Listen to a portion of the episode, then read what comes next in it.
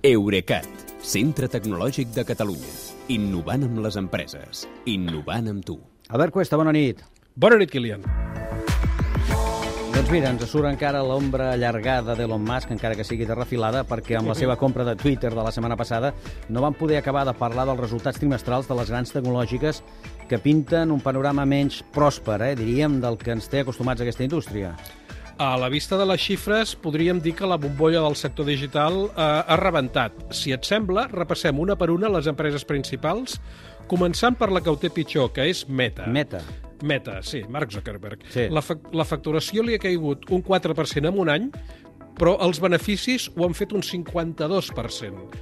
Tot i ser gairebé 3.000 milions de persones els que us connecteu cada dia a alguns dels serveis de la família Meta, ja sabeu, Facebook, Instagram i WhatsApp, mm. això és un 4% més que l'any passat.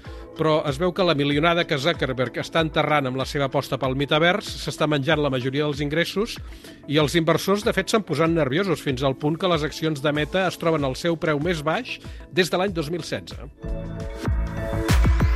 Molt bé, Meta ja radiografiada. Google. L'altra gran empresa de publicitat digital, eh, la seva matriu Alphabet, va facturar el trimestre passat 69.000 milions de dòlars, que és un 6% més que el 2021, més de la meitat són anuncis al cercador, que han crescut, com també ho han fet els serveis al núvol, que van com una moto, però en canvi la publicitat a YouTube, que també és d'Alphabet, ha, ha caigut per primera vegada des de que Alphabet et detalla els resultats per separat. I entre una cosa i l'altra, els 13.900 milions de beneficis trimestrals són un 26% menys que els de fa un any.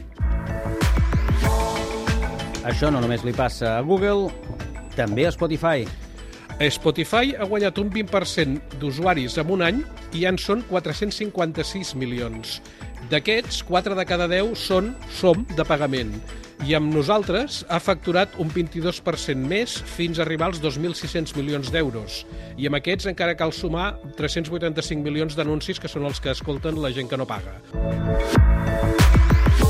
I encara un altre gegant que guanya menys diners, tot i facturar més. És curiós tot això, eh? Microsoft. Sí, ja veus que veig que ja hi has vist el patró. Sí, oi?